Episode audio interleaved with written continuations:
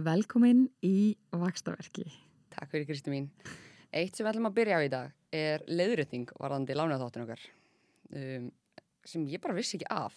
Ok. Við fengum hérna ábyrningu frá, mér langar að segja aðdáðanda, en ég skal segja hlustanda. Er það ef þið ætlið að fá sérignarspartnaðin ykkar inn á lán og ef þið eru með fyrstu kaup þá verður þið að passa það að fara í gegnum rsk.is. Þetta er víst tvent ólíkt, mjög sniðut kerfi og þannig að ef þið farið gegnum leiðrétting.is þá eru þið rauninni bara að fá sérregnin ykkar inn á lánið sem hvað skiluru bara svo lengi sem ríkistjórnin framlengir það, núna er þetta 2023, þá virkar þetta. En ef þetta eru fyrstu kaup þá dögur þetta í tíu ár. Ok. þannig að bara hafa mjög mikið á hreinu. Mm ef þið ætlið að gera það og setja sérregnin ykkar inn á lánið og ætlið að gera það við fyrstu kaup farið gegnum rsk.is ekki leiðrétting.is Ok. þetta vinnur ekki saman Ég held- Lána fulltrúin minn. Já, mjög mikilvægt af því annars kannski bara munið að hætta árið 2023 og í staðan fyrir að þið væri með þetta í 10 ár þá er þetta bara búið eftir 2 ár Högg. Nei, það er högg sko þannig að passa þetta, passa þetta vel Ok, það er Ok. það sem ég vil koma til skila Ok, takk. Takk fyrir þetta. Já, Brynja, við erum komin úr sumafríi. Já, aldrei sem stelpunum tók sér sumafrí Sjálfstætt starfandi og ákveðum bara að taka okkur sumafrí. Já, Í hvað? Það er síðasti þáttur og fjóru viku síðan. Já, en það við tókum sem bara einn þátt í sumafrí í rauninni það. Við bara, við fengum smá raun fyrir þetta. Aldrei sem við fengum raun Frá öðrum podcaststjörnum Já sem halda greinilega að þeir séu ykkur í svaka gallar. Já, aldrei sem við leta okkur heyra. Ég við sko aldrei mist á þætti. Já, ok. En svona er þetta. Já, já, með lifur og lærir. Já, maður lifur og lærir. En við erum komnar úr sumafríi. Satt, gott sumafrí. Og ég minn, það var nú aldrei mikið gengið á hérna. Við allan að, við fórum til Akureyrar í sóluna. Mm Og góða þar. Mjög góðar þar. Mm -hmm. Vakstaverkir í sumafríi. Vakstaður ekki í sumafrí. Nýttu aldeilis ferðina þangað. mm Þá fórum við svolítið yfir það sem fólk hafi vilja heyra í þettunum okkar. Það sem við vorum búin að fá frá hlustendum, ég skal ekki nota orðið aðdáðendum. Já, við nýttum tíman í bílnum. Við nýttum tíman í bílum og fórum yfir þær fyrirspurnir og það sem stóð efst uppi voru rafmyndunar. Það var það sem fólk vildi heyra mest rafmyndunar. Mm Og við bara svöruðum kallinu. Já, eins og við gerum alltaf. Sko, málið er samt að hérna, við fengum kjartan hjá myndkaupum. Já, Hann er kannski, eins og vita má, er talsmaður Bitcoin. hann er sko talsmaður með stóru tíu. Þannig að við vorum að reyna okkar besta í að vera svona talsmenn á móti þessu. Þó við séum ekkert á móti þessu, alls ekki. Við reyndum að vera skeptiskar Já, til að fá svörin. já. Og til þess að líka bara fá báðar hliðar í þetta. Já, algjörlega. þá má ég bara segja það að hann svaraði flestum okkar spurningum mjög vel Og meira en það. og meir en það við allan erum klárari eftir þáttinn Já, alveg klárlega algjörlega. Við að fengum öll svör og öllum okkar spurningum. Mhm. Þannig að við vonum að þetta svar spurningum hjá öðrum líka. mm það er bara held ég ekki setna vætna en að bjóðan kjartan okkar velkomin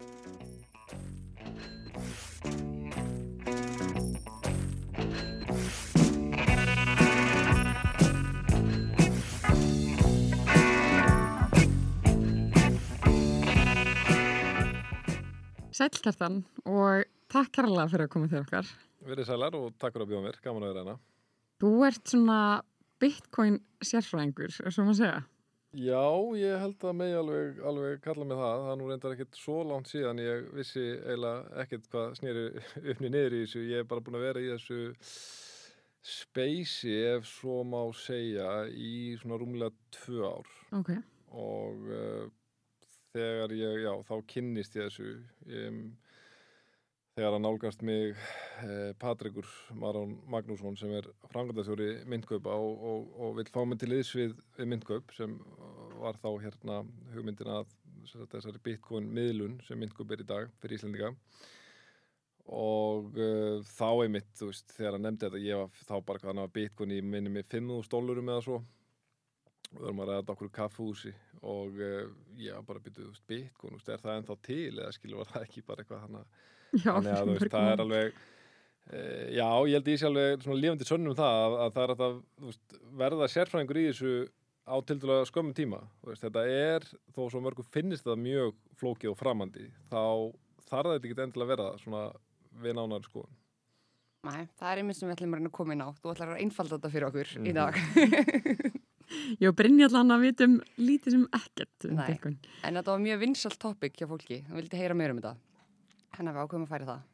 Sko, gætir þú útskýrt fyrir okkur bara til að byrja með hvað rafmyndir eru í raun og veru? Mm Þú veist, ég held að uh, svona besta leiðin, þú veist, uh, mér finnst svona það er að líta á þetta uh, frá tveimur hliðum. Það er þá tæknilega hliðin, veist, hvað er þetta, hvernig virkar kerfið tæknilega, uh, hvernig er þetta grafið, hvernig er þessi, þessi svo kallar námuðsla, hvernig fer hún fram, það er svona tæknilega hlutin.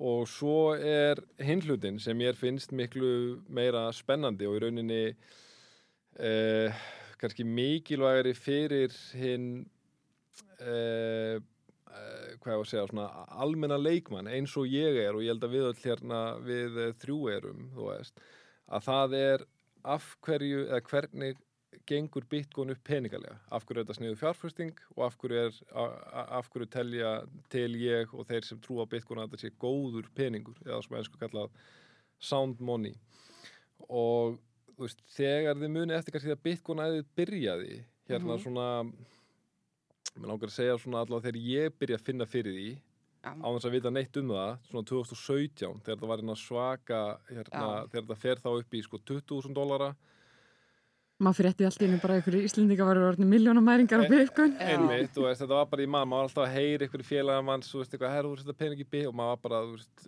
djöðl er allir rugglaðir og skilur hvernig dettur ykkur í huga þetta sé að fara enda öðru sem bara með ósköpum og, og uh, svo fannst manni maður standa upp sem eitthvað sigurveri þegar þetta hrundi hann í 4000 Já. þú veist, í februar 2018 Já. janúar, februar 2018 og en, en sko, ég hugsa þetta aldrei af hverju greip ég þetta ekki þá hugsa ég, þú veist, af hverju greip ég þetta ekki þá þráttur að alveg svona þó nokkur sinnum var, voru eitthvað sem vildu gefa sér á tal og af hverju greip ég þetta 2019 um, ég held að einskýringin var svo að mér fannst öll áherslan þá vera rosalega mikið á hvað er bitcoin eða hvað eru rafmyndir í tæknilegum skilningi.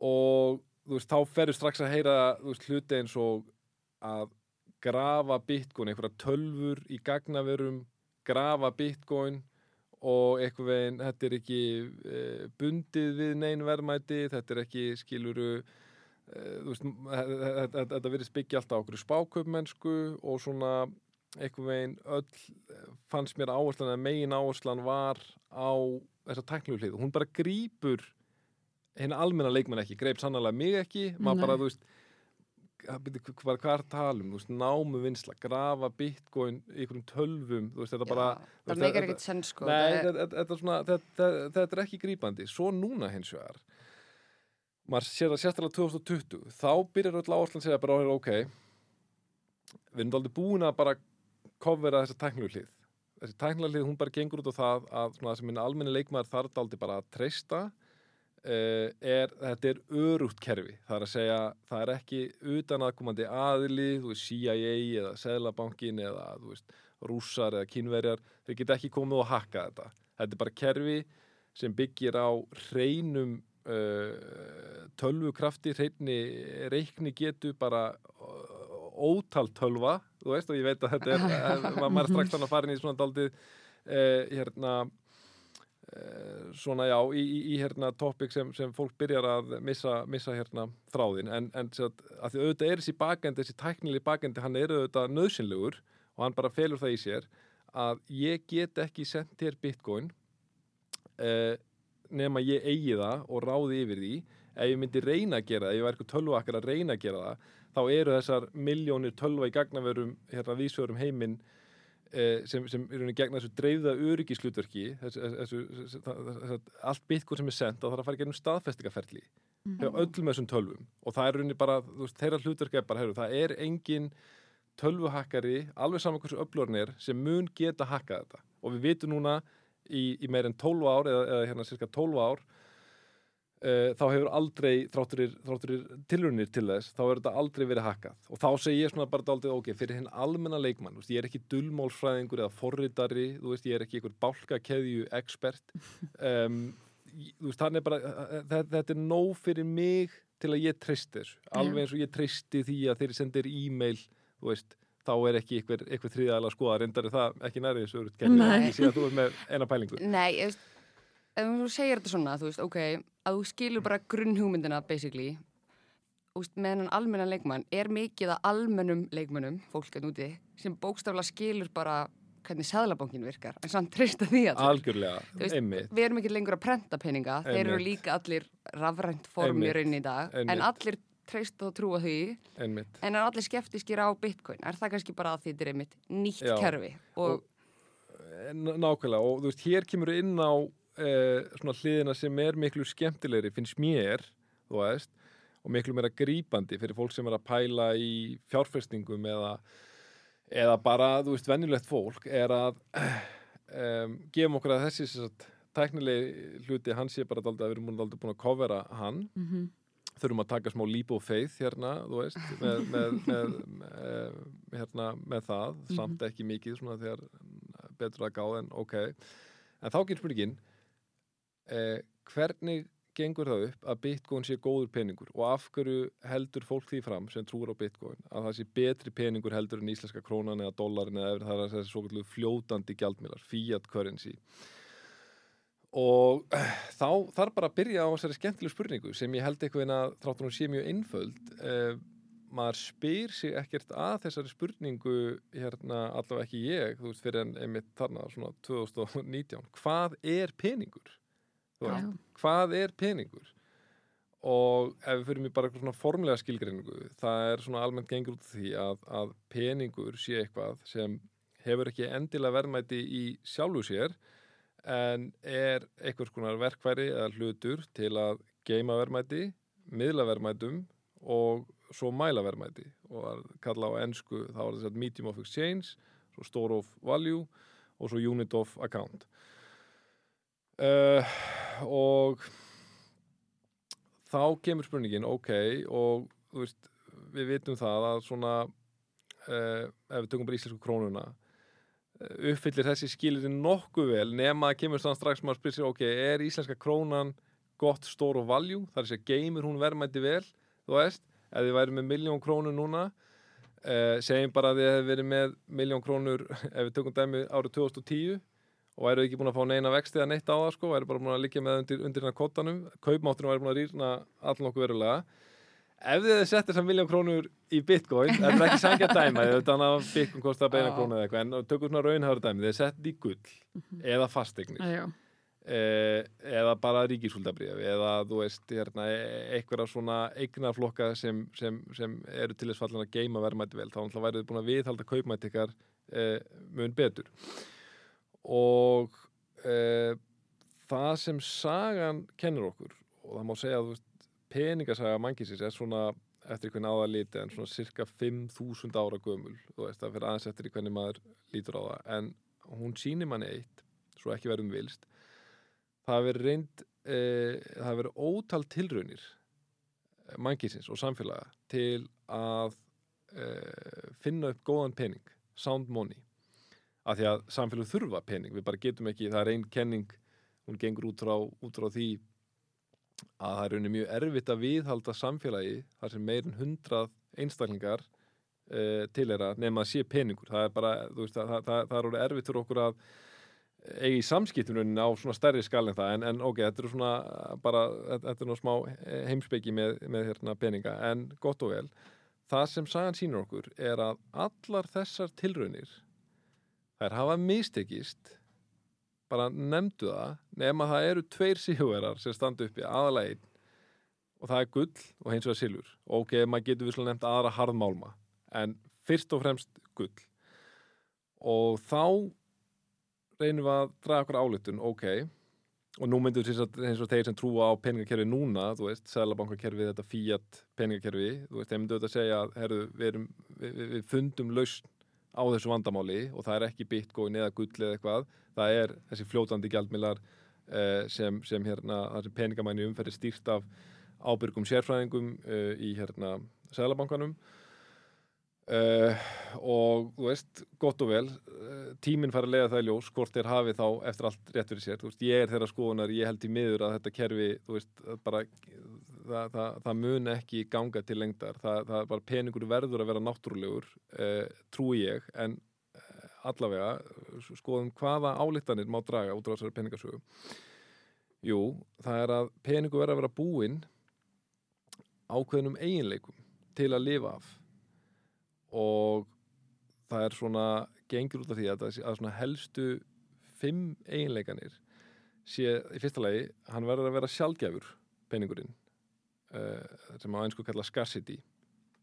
Veist, það segir sjálft ef maður væri bara með sand hérna eða eitthvað sem væri auðvitað bara framleiða veist, heima á sér þá þá gengur það ekki upp. Það væri einmitt. Og, og eh, svo er það að það verður að vera auðvitað að geiman það verður að vera með gott storability. Veist, það segir sér líka sjálft. Já. eh, veist, ef maður er með veist, blóm eða appelsínur eða ávæstir eða matur það er ekki, það hefur verið reynd það hefur ímislegt verið, verið hérna reynd og svo er talað um að vera færanlegur og þú veist, aftur segir sig nokkuð einn sjálft og, og hérna eh, svo er talað um, um að hann verða að vera hérna það sem má svona kalla sko verifiable eða það er sem sé auðvitað að sandreina að það sem ert með í höndunum það sé uh, raunverulega það, þú veist það sé ekki verið að útinna gull eða falsa peningasæli eða eitthvað Já. og svo má segja svona fymta atrið sé uh, að hann, sé fungible eh, sem ég kann ekki alveg íslenska orðið yfir en það þýr rauninni að þeir verða að vera sko eh, allir eins. Það má ekki vera að tala með svo til dæmis demantar, þeir eru ekki fungible því það er alltaf Já. eitthvað sko eh, alltaf eitthvað uník við hvern og einn demant sem ímist rýrir verðmætans eða, eða hérna eigur sko. En, en einmitt, þetta er svona ákveðin skilirði sem uh, peningur verður, verður að hérna, búa til. Og sagan sína okkur líka það við getum nú látið hvað sem er vera pening, alveg sama hversu þú veist, heimskulegt eða, eða hvað okkur, okkur, okkur, okkur kann að finnast það, ef hann uppfyllir þessi skilirði málið er bara þetta að með þetta sjálfgefni atriði það er bara ekki til mjög margt í þessum heimi sem er svona sjálfgæft eh, eiginlega allt í þessum heimi lítur eða þeim lögmálum þú getur framleitt meira því. Ekki gull.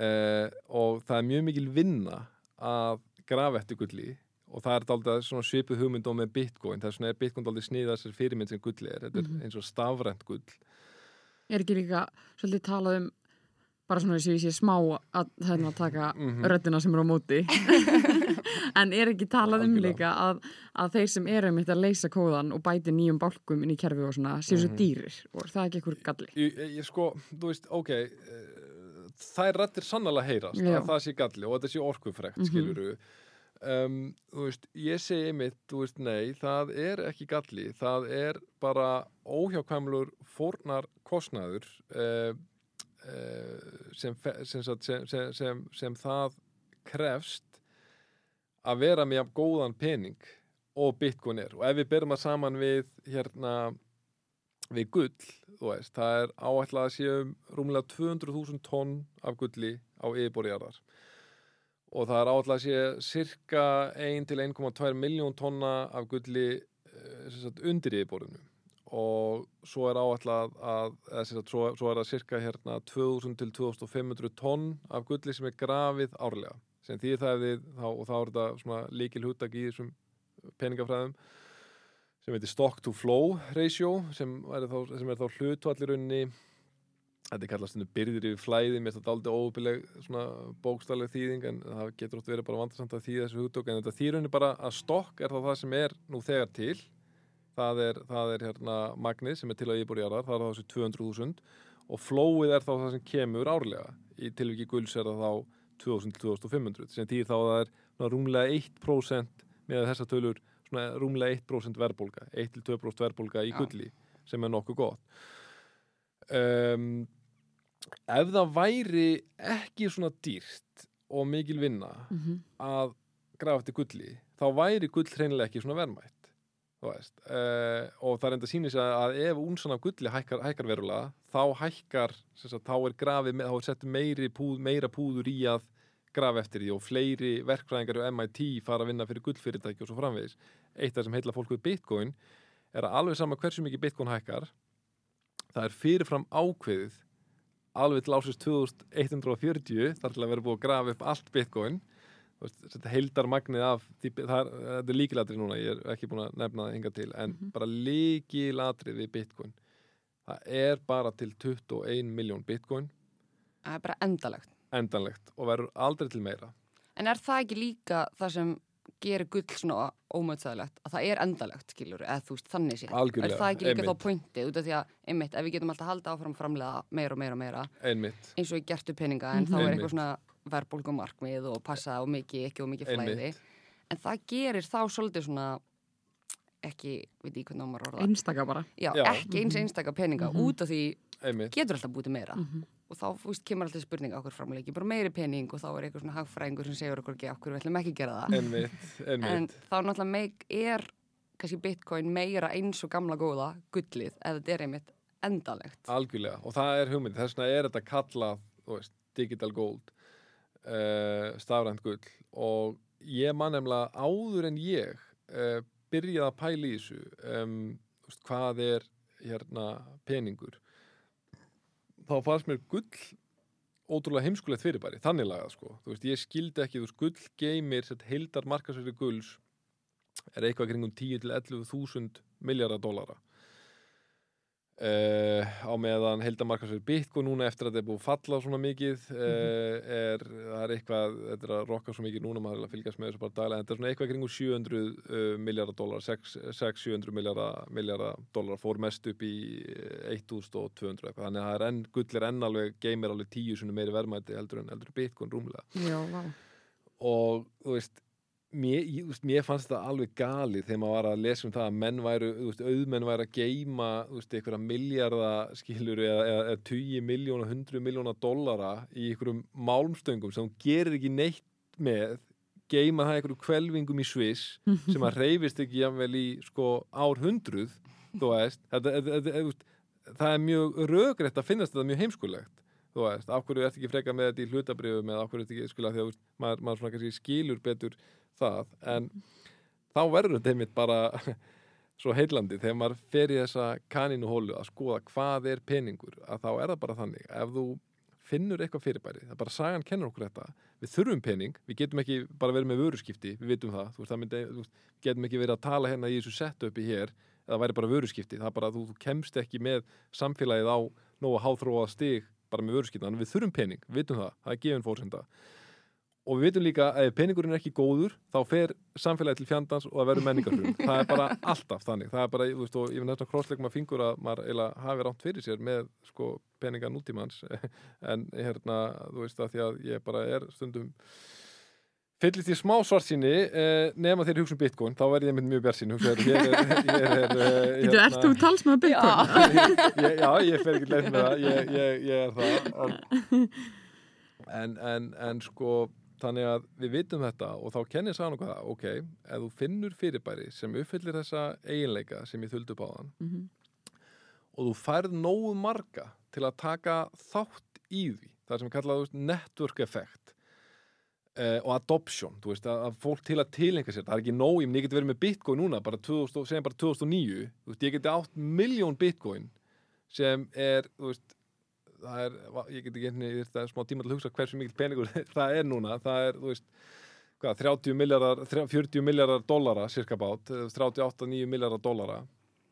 Uh, en þú veist, þetta var verðlust nánast 2009, af hverju? Þetta var alveg með sömu eiginleik og allt það. Þú varst bara ekki komið þetta network effekt núna ertu með cirka 130-40 miljón manns í heiminum sem eru í þessu networki og þar alveg verður þetta verðmætt, saman með gull Já, Ef- og bara hlutabrif öllu, þú getur átt hlutabrif og enginn vill lega það, þá er þetta verðlust. Já, það er rétt, en það, það, það er visslega rétt, en það er samt einn veist, fundamental munur við verðmæti eins og hlutabrif versus peninga eins og bitcoin eða gull eða bara peningasæla að e, segjum að veist, þú ætti bara öll hlutabrifin í einhverju verðmætustu verslun Íslendinga, skilur, segjum bara það. Bara það væri bara hérna, einhver, einhver, einhver maturverslun bara sem væri skilin fullt af tekjum. Þú, veist, þú ættir bara, þú ættir verslunna segjum að engin myndi vilja kaupa hlutabriðina þér, þú veist, þá væru þau vissulega kannski verðlaus í ákveðinu skilningi, en þú er samt vel sett að þú áttu allar verslun, þú segir ok, fínt, ég er hérna, þá bara þykki, þá teki allar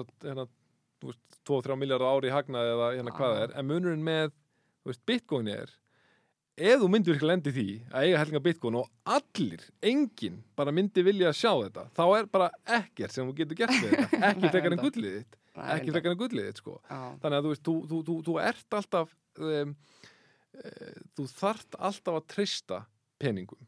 Mhm. uh, en, en til þess að peningur virkilega sko slái algjörlega í gegn fái svona þá er það bara algjör svona ma- það, það er mikið massíft network effekt að bara, þú veist, hann er svona algjörlega búin að sigra sem Bitcoin er klárlega ekki búið Nei. Bitcoin á langt í land með að komast þannig að ég trúi því að, að Bitcoin munna á því en ég held að það sé mjög langt í land og þess vegna held ég að það sé mjög góð fjárfæsting núna í Bitcoin að þú vilt vera á undan þú veist, áður en þið koma á þann stað að, að þá verður runni þá verður fólk að treysta peningnum án þessi runni að sko, skilja peningin eða í runni bara vera sko, hafa neinn áhuga á að skilja bara svipaði sem með krónin haldið að þú veist, þegar maður er að versla hérna pilsu eða whatever eða, eða maður ferðast að kaupa sér bíl hvað held að, sé mikið vinna að búa til bíl skiluru og þú bara eh, það er engi vinna að búa til Fiat peninga sko, það er bara einhver, einhver starfsmæri í bankan sem slæðir inn einhverja tölu og það, hún er komin hérna og bara bætist við efnarsreikning hérna bankans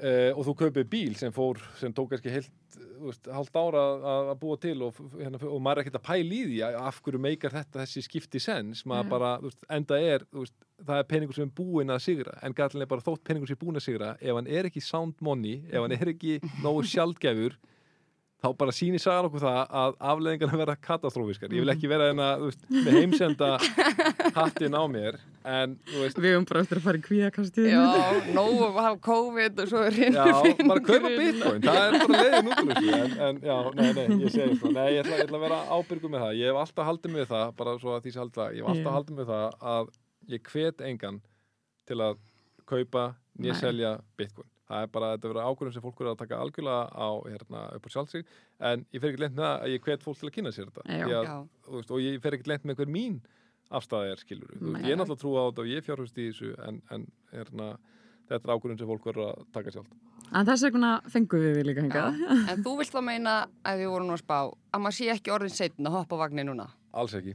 Alls ekki. Þú veist, ef, við veist, ef veist, vinnum út frá tveim fólkstum, byrjum að vinna út frá því að uh, ég hafi rámt fyrir mér og bara bitcoin sé það sem uh, þessi, þessir hagfræðingar segja að verði verði verðlust í framtíðinni Uh, veist, þá þá mögulega, skiluru en, en, en hérna, veist, veist þá væru bara gamla að taka í og hvenar, hvenar, hvenar springur bólan skiluru, og, en, en gefum okkur að um, þeir sem trú á Bitcoin hafi rétt fyrir sér Mhm. og þetta sé að fara að í rauninni allur heimurinn sé að fara að tilhenga sér þetta með einum öðrum hætti það þarf ekki að vera þannig Mhm. að Bitcoin verði einhver heimsgjaldmiðl endilega það gæti orðið Já. en það gæti líka verið í rauninni bara, og það er svona kannski sín sem mér er það að vera mun nær okkur eins og staðinu núna að Bitcoin verður svona um, hvað maður segja svona forðaverðmæti heimsins dáld eins og gull eh, sko ég ætla ekki að segja eins og gull er núna því að gull hefur aðeins svona vext í þeim skilningi en gull klárlega var og jú, ég meina er ennþá náttúrulega geymir sko, þú veist, meir en 10.000 miljardar dollara. Þar að segja þetta sé um, þetta verði svona uh, ef að ég sletta en svona ultimate store of value asset class bara eignaflokkur sem er hannaður til að gera eitt geimavermæti e, e, til lengri tíma án þess að vera endilega sko það sem þú notar hérna út í búð í daglegum viðskiptum. Af því að, að, að, að kemur aldrei inn á það að ég tala um þess að, þrjá þætti sem, sem engina peninga. Það er að þeir sett, geimivermæti, miðlivermætum og mælivermæti þú getur alveg verið peningur þótt þú uppfyllir ekki alla þess að þrjá þætti. Þú veist, gull er ennþá peningur þó að það í dag, ég meina, þú, þú, ég fer ekki með unsu af, af gull út í búð þó að það sé sko 230-40 skall sem ég myndi vilja kaupa þú veist, 100 svona jakkaföt á það, það var alltaf gæðin eftir auðvitað að taka því bara heyrðu geggja, en hann myndi pottið segja nei skilja hann bara heyrðu, nei, ég vil ekki taka það, góðu frekar með 100 á skallin skilur, það er bara Ah. því að þú veist en, en þá segja ok, ekkert máli, ég skal bara selja gulli hérna í ég myndir endur ekki verið í gullveslun hér því að þeir, þeir selja svo þeir eru með svona ófengina marginu en eða var í bandringum til dæmis þá getur þú bara að lappa í næstu búljónshop og fengið það bara á markasverði og farið svo með bara he- helminginn af dólarunum sem þú fegst fyrir gulli og kefta þannig að þú veist eh, það sem ég held að hafi dálítið gert í þessu nútíma peningakerfi þessu eh, hérna, fiat currency kerfi þessu, þessu kerfi sem byggir á fljótandi gjaldmiðlu einmitt þar sem það er engin gullfótur eða það er engin það er einhvern engar hömlur á því hvað er hægt að hleypa miklu magna peningum umferð annað en bara einmitt einhver verðbólgu markmið og, og, svona ábyrg peningastjórnum við þurfum bara að treysta fólki ekki stærfræði eða, eða, eða hérna náttúrunni eins og með gull og bitcoin eh, að þá hefur fólk orðið svona ofur upptekið af hlutanum sem snýr um sem snýr að sko miðlun verðmæta það er að medium of exchange. Ef fólk, ég held að ef þú tækir á random könnun á bara fólki, hvað er peningur? Ég held að mjög margir myndu segja, já, peningur er það sem þú notar í verslun, notar Já. út í búð. Mm það er svona, það er mjög eðl, og það er sannlega hluta af peningur, en peningur er meir en það. Og hann er meir sem hann geimi verðmæti vel.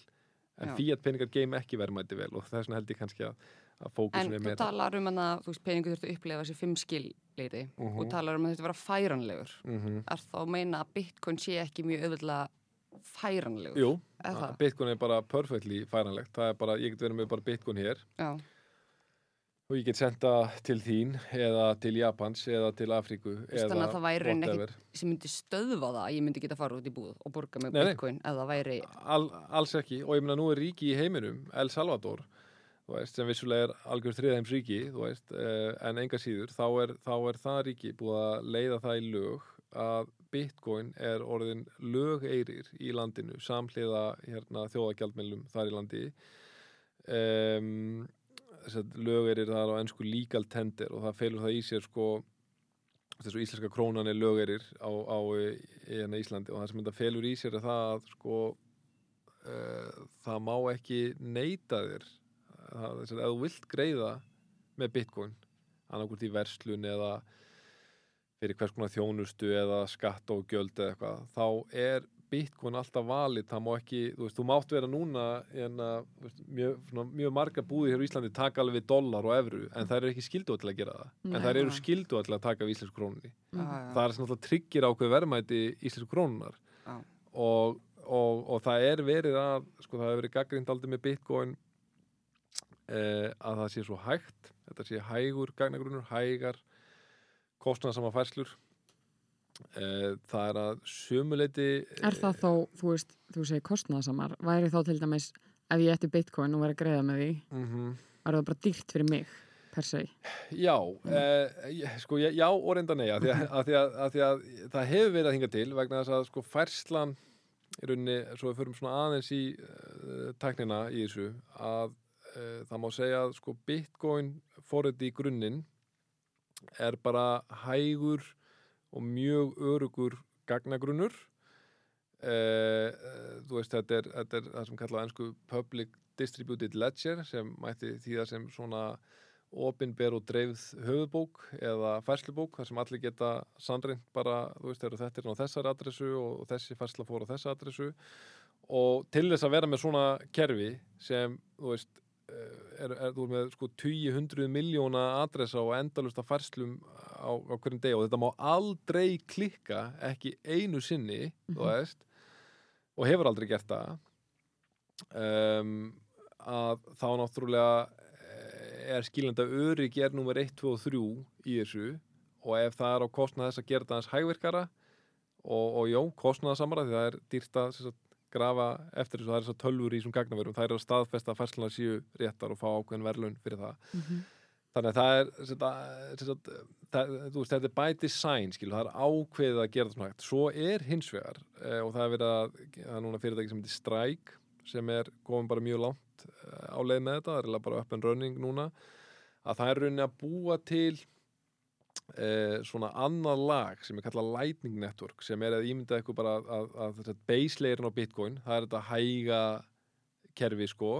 En svo ertu með þá hraðara eh, sagt, eh, hraðara lag veist, ekki layerin, þetta er lag ofan á því, ég veit þetta er svona dálítið óþjált, en sem er þá miklu, miklu hraðara. Og það gera verkum að ég get bara greitt þér svona. Og svo eru allar færslur endanlega settlaðar í þessum base layer. Ekkert svo ósvipað og kerfi eins og til dæmis bara kreditkortafyrirtækin Já, byggja á. einmitt, bara fyrst, þú veist, er þetta gútirað en Já. svo er þetta í rauninni fært fyrir Einmitt, nokkrum vikum setna eða eitthvað. en er þetta samt ekki eitthvað þú veist, að því þetta er svo nýtt og slíkt að sem myndi alltaf ef þetta yrði það vinsalt, að þetta yrði settur meiri peningur að vinna í að hraða þetta og gera þetta betra. Jú, og, algjörlega, og, og þú veist, það er það sem Lightning Network er, sko, ég, ég veikunni, ég er ekkit um, ég er ekkit ofurklár á nákvæmlega hvernig það virkar en, en, en, en, sko, þú veist, samt er þetta rauninni þannig að þetta er bara, þú er komið færslu sem bara taka enga stund og kosta bara sára, sára, sára lítinn pening versus sko að færslu núna á þessum base layer veist, þær er að taka alveg svona 10 til 60 mínútur og er að kosta alveg, þú veist 15 dollara skiluru, eitthvað svoleiðist, þú veist, sem er náttúrulega bara allt, allt og mikið, þú veist, Mhm. ef þú ert að hérna ef þú ert að hérna, ef þú ert að kaupa fyrir til bara hambúrgar eða skilur, það er bara hræðilegt, þegar hambúrgar kostar 15 dollara og svo er ég að borga 15 dollara Einmitt. en, en, en, en það er Bitcoin ekki hugsað þú veist, Það er ekki komið þangað allavega. nei, Nei, þetta en er ne, hugsað- ne, nema þetta einmitt, með þetta, með þetta Lightning Network, það er svona já, það, það eru spennandi blikur á lofti Mhm. En er ekki oft hérna svona talað um kannski að eins og að sæðlabankar bara sæðlabankar í heiminum allir þeir vilja bara ekkert gera sína eigin rafmynd. Jú, og það er þegar byrjað að gerast í rauninni og svona þeir sem eru þú veist, svona daldi leiðandi í þessari vinnu skilsmér eru kínverjanir en svo er, þú veist, Sælabanki Európu líka að, að eh, vinna útráðus og svona skoðaslausnir og Federal Reserve í bandaríkjum sömu leiðis, Mhm. um, skemmur á veg uh, hérna komnir vissulega. En þar kemur að þessu sko að og það er um aðeinsverð sem þú sagðir á hann sko að ég meina peningar í dag flestir hverjir eru alveg rafrænir þú veist. Og þess vegna er hugtækið sko rafmynd eh, er dáldi lélegt hugtak. Um, sko cryptocurrency er náttúrulega enska uh, hugtækið og það rétt tíðing er dulkóðuð rafmynd þú veist að, að, að því að rafmynd er ekkert nýtt í sjálfu sér en sko ok gott og vel, það, ég held að væri sannlega alveg veist, til mikill að heilla ef selabankar myndu færa þetta, þessa fíat gjaldmila nota þessa bálkakeðutakni því það er þetta bara komið miklu meira gagsægi og þá væri bara til mis ímyndið ykkur veröld þar sem þið getur bara farið núna á okkur heimasíðu og þar getur þið séð bara nákvæmlega eh, allar krónur í umferð. Og núna þið getur farið á selabankan og séð sel og mynd í umferð. Það er það sem er kallað M0 í þessum peninga hérna fræðum, það er M0, M1, M2, M3 og M4 sem mæla magn peninga umferð. En svona M2 sem er almennt miða við þegar að vera að mæla peningamagni umferð sem er þá, þá ertu með sko selar og myndri umferð og svo ertu með innistar á bönkum og svo framvegis að það er engin leið að vita nákvæmlega hvað þetta er þetta er bara, skilja, þetta er að, þetta er að aukast á hverjum einasta degi og þetta er svona byggt á hverjum áallunum en, en e, e, ef, ef krónan yrði eða ef við segjum hérna, dólarinn eða evran eða, eða hérna júanið í Kína Mhm. væri fært yfir á bálkakeðu þá getur þú séð bara nákvæmlega herðu það er svona mikið magn af krónum í umferð en það leysir samt ekki þennan vanda. Þú ert enn með þriðja aðila sem stjórnar kerfinu sem væri þá Sælabankin og þú þarft enn að treysta honum fyrir að peningavæni umferð aukist ekki of mikið. Og Mhm. það er bara því ég, ég, ég, ég efast ekki um að það sé eldklárt lið í öllum þessu Sælabankum alltaf reyna grínlaust. Ég, efast ekki sekund um það og, og, og ég skal og, hérna, vel trúa að þetta sé bara upp til hópa bara heiðalegt og, hérna, heilstætt fólk.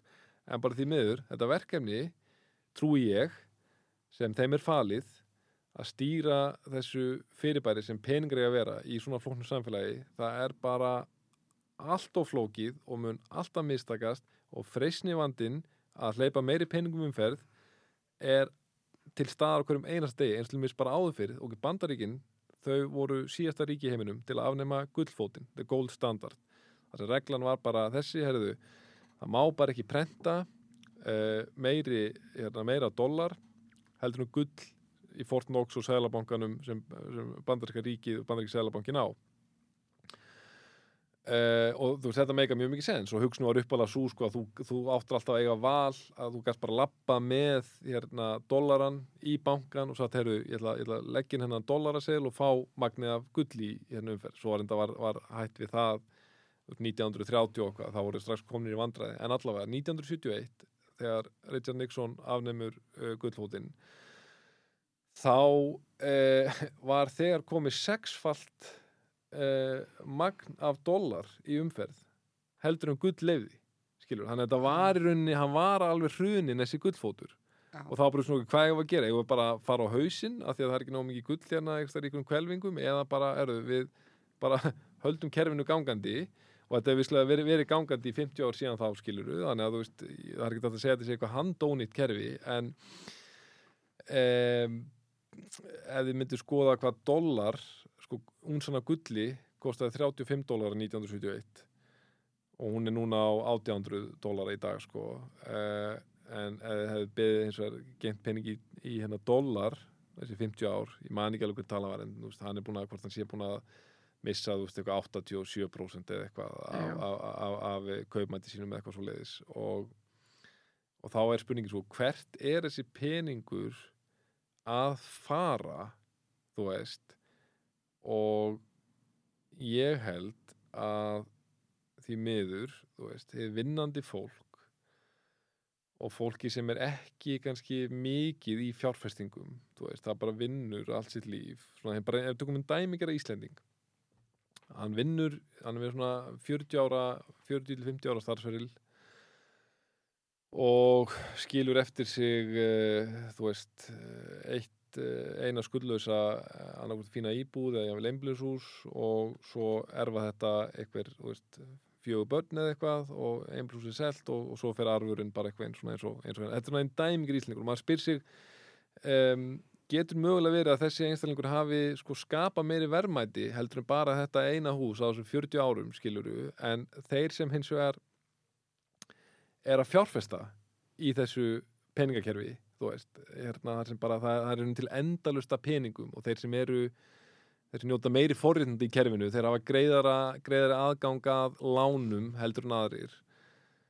Og þú veist, þeir dæla öllum peningunum í hérna eignarflokka sem eru ekki sem sagt, þeir eru ekki að þinnast út eins og, eins og, eins og krónan eða þessir fíatgelma það er ekki verið að prenta meira en bara eins og fastegnir eða lóðir eða þú veist, gull eða whatever hlutabrif uh, mér virðir svona þegar maður stúdur þetta peningakerfi þá ertu bara þú ert bara því miður með daldi bara kerfi þar sem það er verið að soga eitthvað veginn þú veist öll verðmætin úr peningunum þínum sem er í höndum hins vinnandi fólkskiluru og það fer í þessa sjaldgjafir eignarflokk og sem betur fer þá eiga flestir vinnandi einstaklingar íbúð eða fastegn, veist, það er eiginlega eina góða eignin sem svona hinn dæmikir íslendingur á. Um, en hugmyndi með bitcoin er að bara, herru, þú þart ekki lengur að sapna þér eitthvað tíu miljónum til að geta borgað, þú veist, íbúð og verið svo að borga láninu allt þitt líf, basically, og hérna það er svona eitt af bara primary ágefnum í þínu sálarlífi, skilur að vera alltaf að borga fastanláninu, heldur þú getur verið, að, þú getur komist inn á marka eins og bitcoin, þannig sem þú þart getur bara, þú getur byrjað með veist, tíu skall eða tíu miljónir eða whatever, það er ekki þetta barrier of entry en já, þetta var svona smá út út úr en, en, en, en þú veist eh, bottom line er að, að um, já, manni finnst svona þetta Fiat kerfi það dregur oft fram svona já, smá, smá svartsýnis uh, rattir Já. En af hverju þessar hagfræðirattir, mm ég er hagfræ- hagfræðingur, einmitt, ég vissi að, ég var búin að fletta að hérna, af hverju eru þær svona neikvæðar yfir þessu? Þú veist, er það að því, sko, svona núna að því maður kannski skilur þetta ekki alveg nógu vel, þú veist, Mhm. grunn og bakveita, er að því einmitt, er það aðalega að því það er ekkert beint á bakvið þetta, þú veist, nema tölfur. Eða þú veist, er það, er það rökin?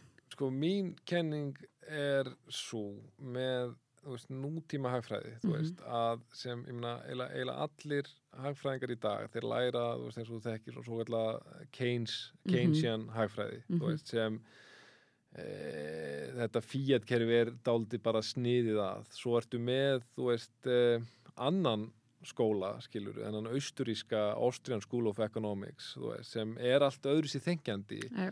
Uh, þeir, þeir eru alveg bara, þeim finnst Bitcoin vera snild og, og þeim finnst gull vera snild og þeir eru, eru mjög skeptískir á þetta Fiat-kerfi, þeir trúa því bara peningur verður að vera náttúrulegur og það verður að vera bara margar verður að fá að velja hérna, peningin um, ég held að þú veist sko eins og bara svona nútíma líka bara mentakiru, ekkert bara hagfræðin veist, það má segja um lögfræði líka bara þú veist um, við lærum veist, í svona ákveðnu boksi Mm -hmm.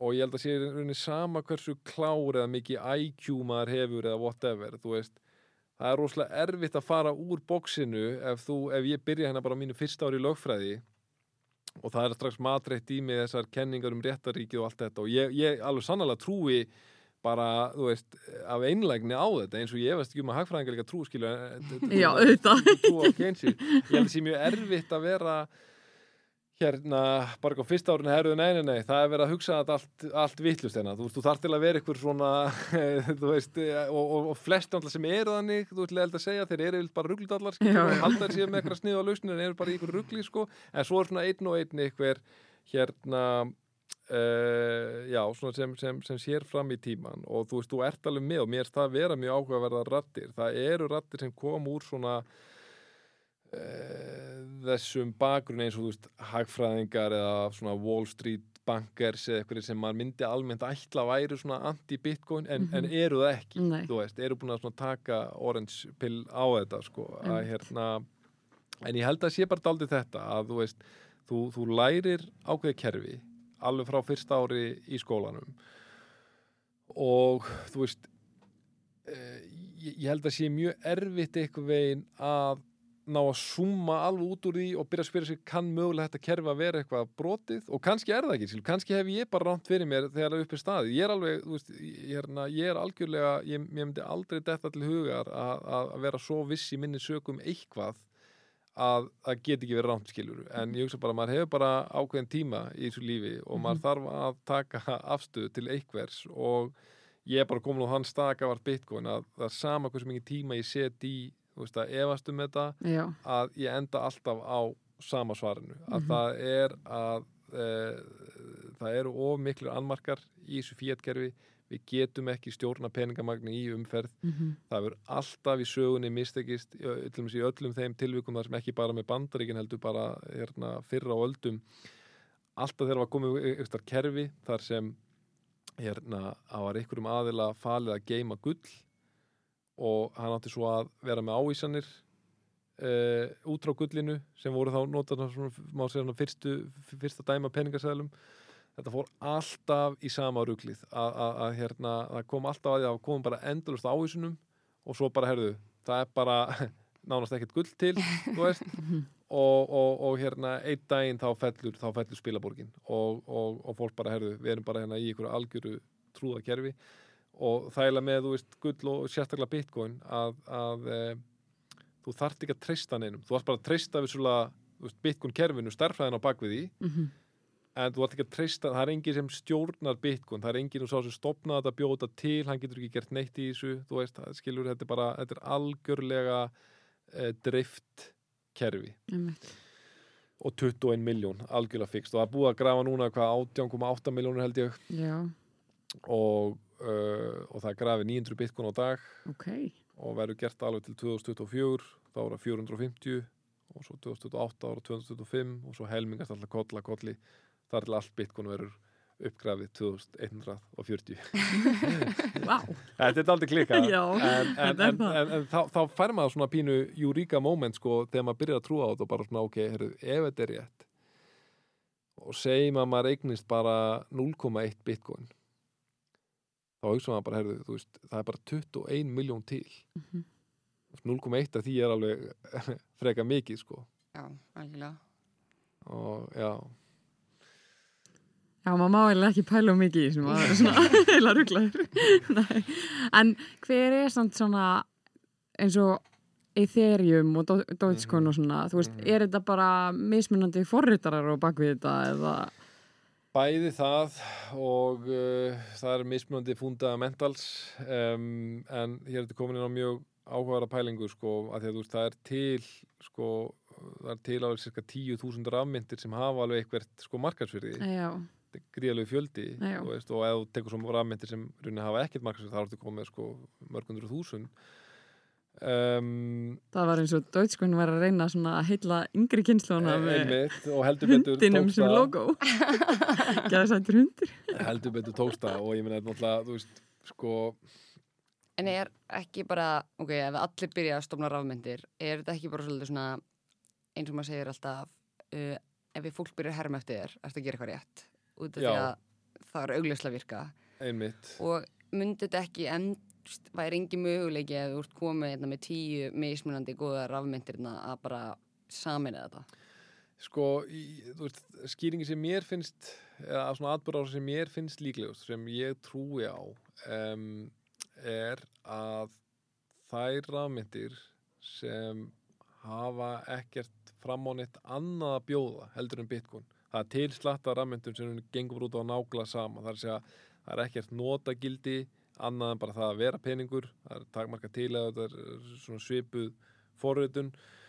Uh, ég get ekki sagt ég hafi neina trú á þeim til lengri tíma lítið af því að þú veist, maður spyrir sér bara ok af hverju make a bitcoin sense? Jú, af því að það er, það er þörf á góðum pening í samfélaginu í dag. Og þetta, þetta er lang stærsta rafmyndin lang mesta network effektið og ég held bara því miður að þú veist, hérna veit ekkert hvenær það gerist og aftur kannski er rámt fyrir mér en aðbúrða sem ég er slíklust er að það er rafmyndir sem er að reyna að spila sama leik og bitcoin bara þær munu enda að verða mjög og Þá meina að það sé bara svolítið svona eins og bitcoin sé gullið og hitti kannski bara kól og kopar ég, sem svona ég ég virkar á ákveðnum tíma en svo já, eftir ekki tíma feitar þetta út. e, e, e, einmitt um, en, en, en svo ertu með að þú nefnir rafmyndir svo í þýrjum og svona það er eftir unni með konsept sem sko eh, meður út frá því að e, þróa einhvers konar e, einhvers konar tækni snjálsamninga eða fjármálalausnir ímis konar Mhm. eða jável aðrar, aðrar tæknilausnir með því að nota þessa bálkakeðu tækni Mhm. og þú veist það er bara mjög spennandi að sjá hver atbyrðásni í því verður. Ég held allavega klárlega að það sé heilmikil uh, framtíð í því en ég spyr mér samt sko þú getur verið með eitthvað eins og í þýrjum sem er óumdilega alveg snildar tækni sko, það, það, það, það er, bálkakeðan og allir þessi möguleikar á henni, þú veist, bara í hvers konar snjálsamningum og öðrum fjármálusnum er alveg briljant, en ég, ég spyr mér stundum uh, af hverju á Ether tokenin, það er að segja sem er þá rammyndin sjálf í þessu Ethereum uh, spacei Ok. Og það er til eitthvað 100, ég man ekki 120 miljónur af því eða eitthvað verða til 10 miljónir á hverju ári Mhm.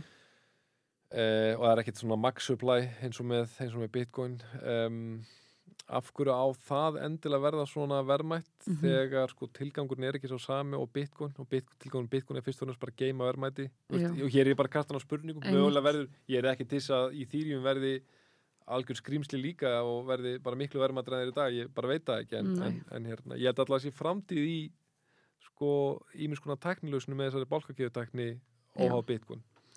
Af því að er það ekki þeir geta teik, eða, veist, bara geimt svo ótrúlega mikið af til dæmis bara gagna upplýsingum. einmitt, já. einmitt. Ég spyrum bara til þess að pæli bara tökum eitt dæmi eins og þinglýsingar.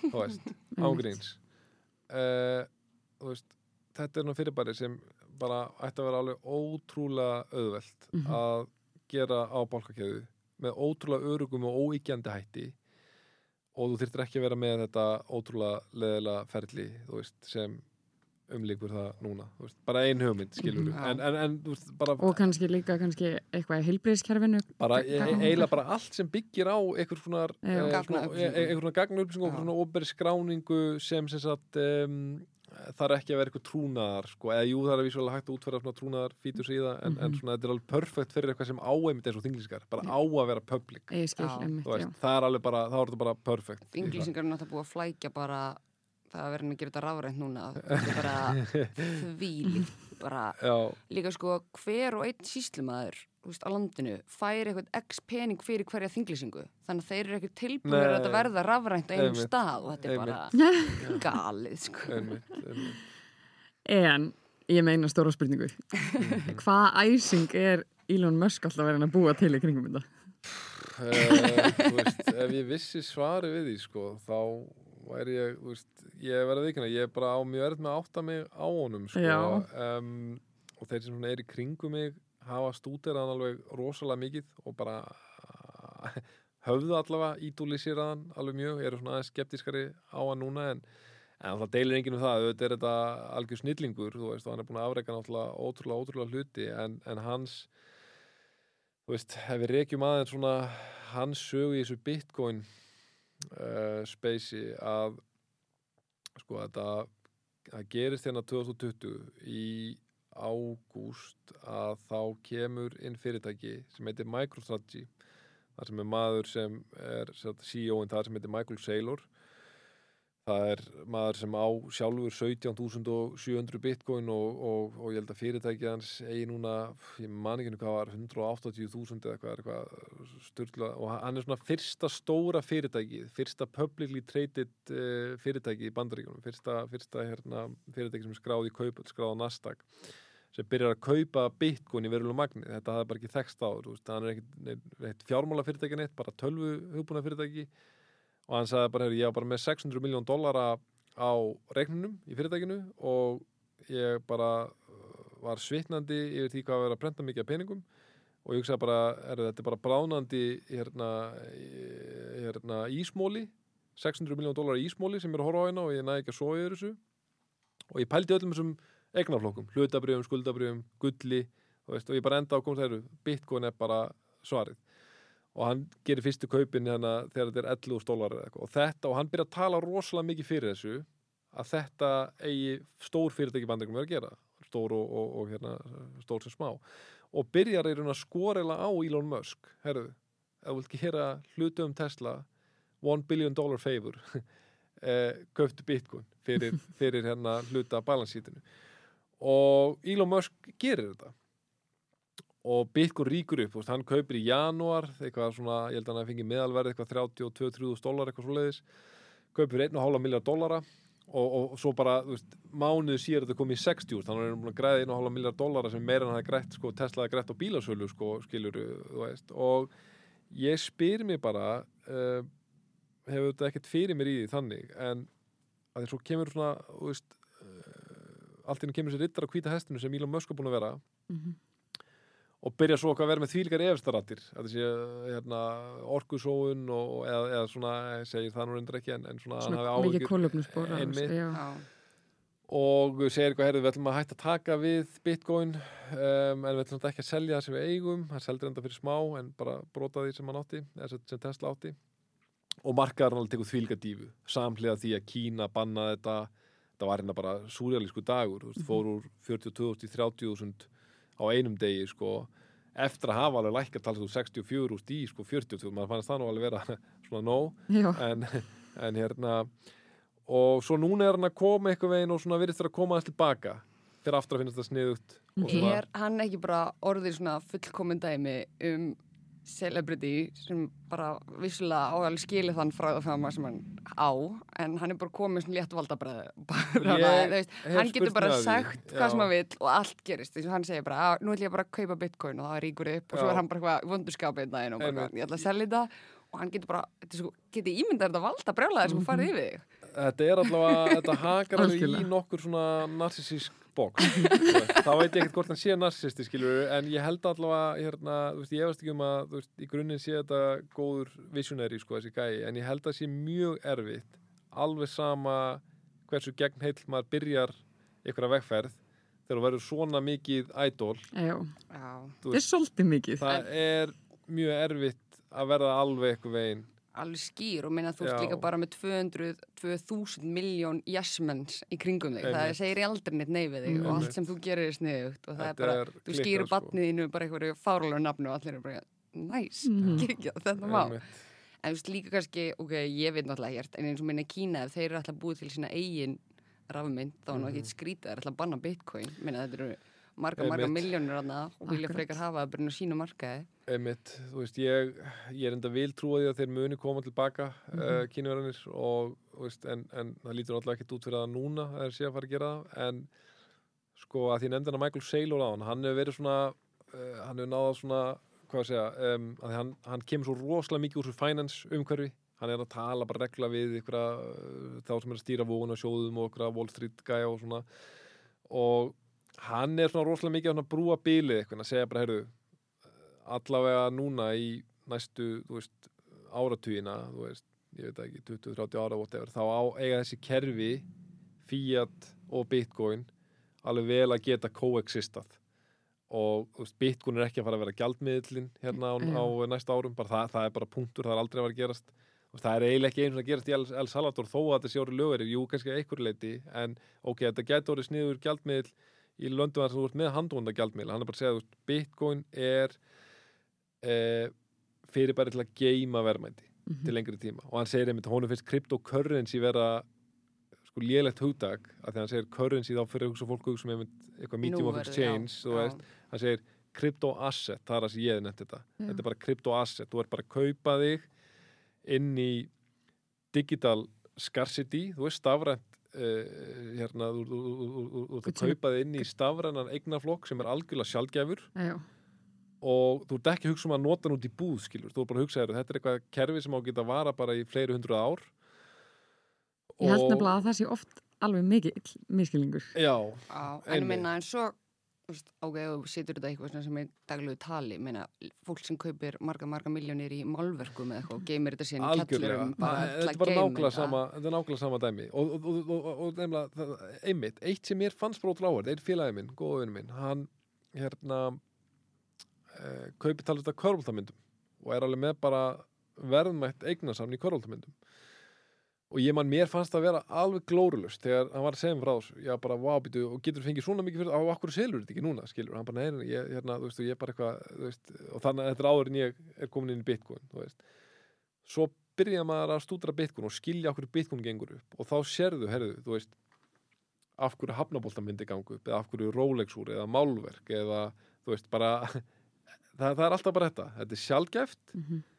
og þetta er með network effekt það eru, það eru margir í þessu. Það var eins, einskis virðið að eiga Rolex úr ef veist, allir væri bara, herru, ég er bara með Apple snjallúri mitt, mér alveg, veist, þú ert ekki að borga bara fyrir gæðin, þú ert að borga Já. fyrir að þetta er sjálfgæft Já, um, og já, þannig að veist þess vegna finnst mér skrítið þegar fólk sem er í þannig hvað ég að segja, kerfum eins og að safna íþróttamyndum eða málverkum eða eitthvað skilur ekki bitcoin Af en því er þetta það í ekki bara aðalega að þetta er ekki áþreifanlegt, skilur? Þú sérð myndinar, Já. þú heldur á þeim, þú veist, þetta er eitthvað svona, Einmitt, þú veist, þið- finnst þú einhvern veginn vera með verðmætin í höndunum, Já. en þú ert með bitcoin, þú ert svona eitthvað, þið líður þess að þetta sé ekki til. Og svona í dag líka þá er maður alltaf að heyra um einhverja hakkara og svona, maður er alveg hérna. einmitt Þa, það, er, það er alveg klárlega góður punktur að sérstaklega fyrir þá sem eru ekki einhvern í þessu þú veist, þeim finnst þetta einmitt, þetta er einhvern svo algjörlega óáþræðanlegt en svo er það,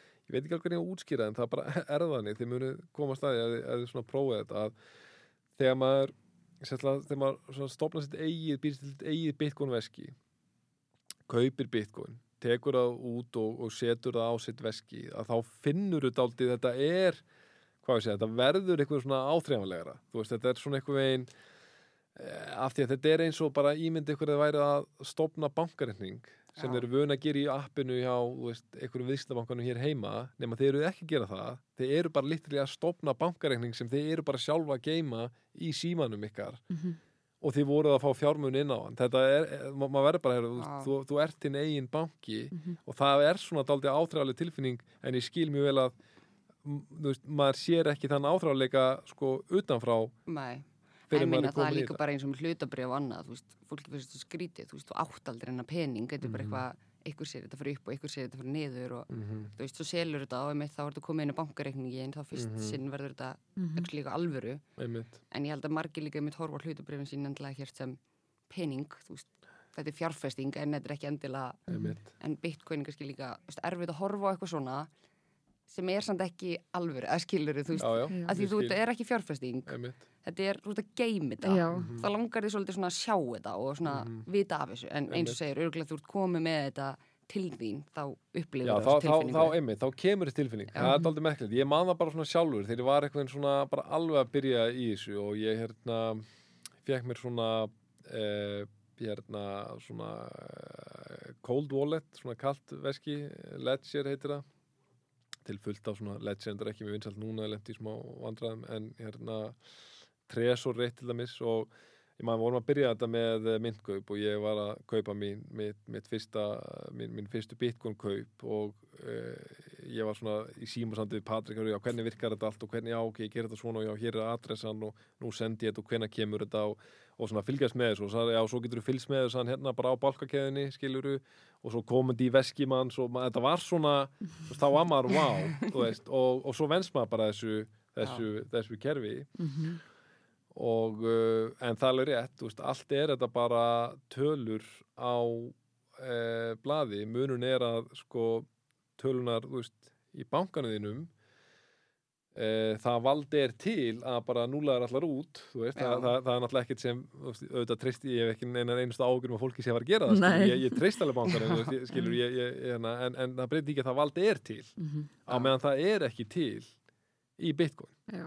Það er bara, þú veist, þú getur visslega að þú nefndir einmitt með hökkin Mhm. og það er alveg rétt og það er, þú veist, maður er alveg því miður er að bera of mikið á því að um, fólk er að lenda í svikurum á netinu Mhm. og þú veist, það er ein ástæðan fyrir því að við vildum byrja með myndkaup er að þú veist, við vildum hafa þetta einmitt bara plattform þar sem Íslendingar geta tekið sinn fyrstu skref, stíði sinn fyrstu skref í þessu markaði með íslensku fyrirtæki, þetta er eins einfalt og getur verið, það er bara bitcoinana, engar aðra rafmyndir, þannig að það er stefnan að bæta með við í Ethereum síðar.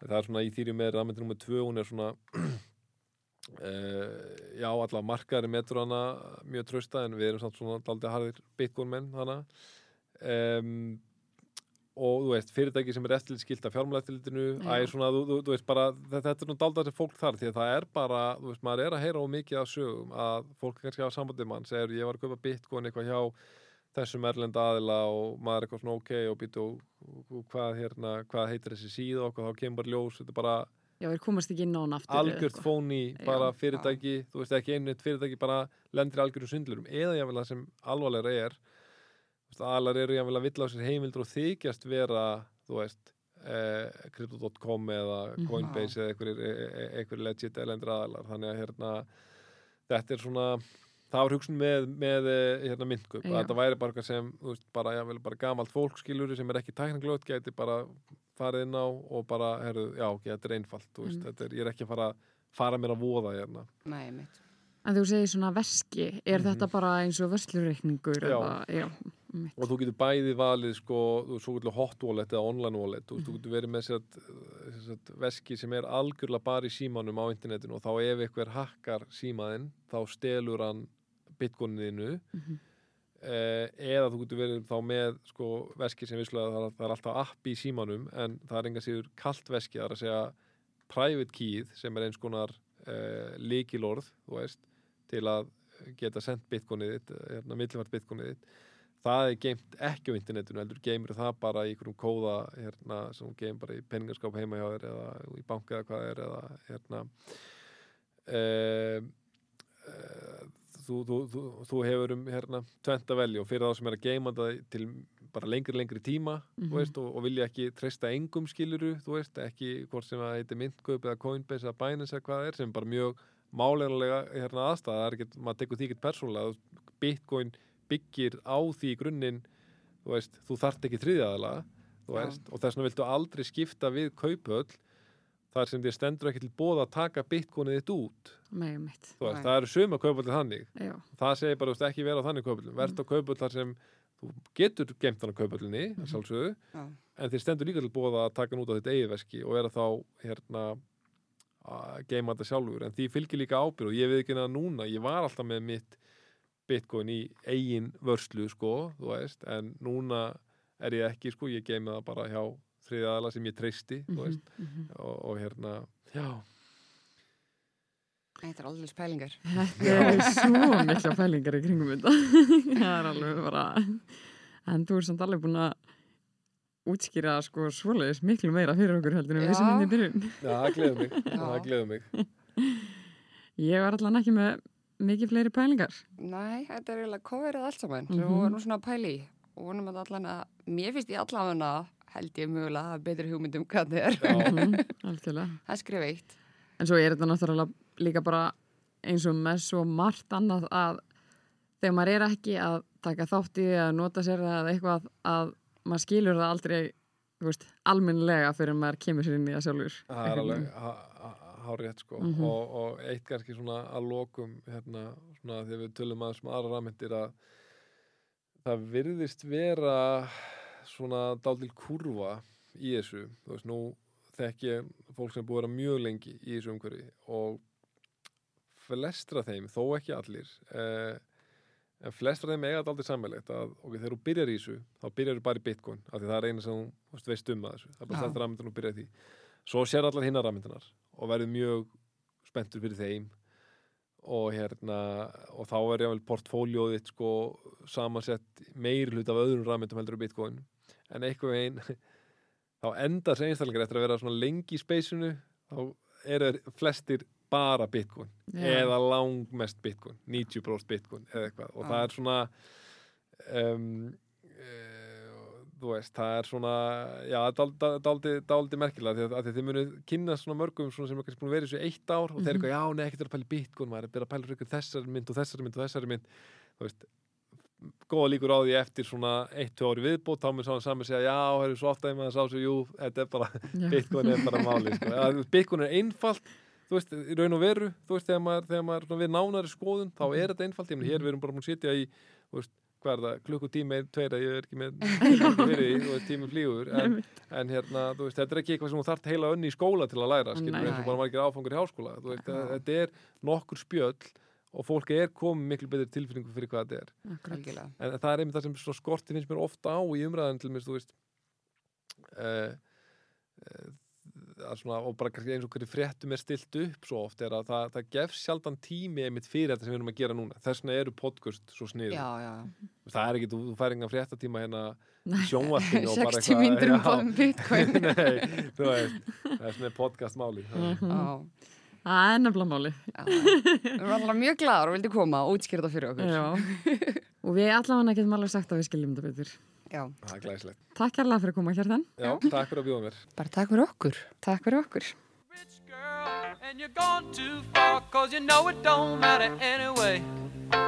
you can rely on the old man's money.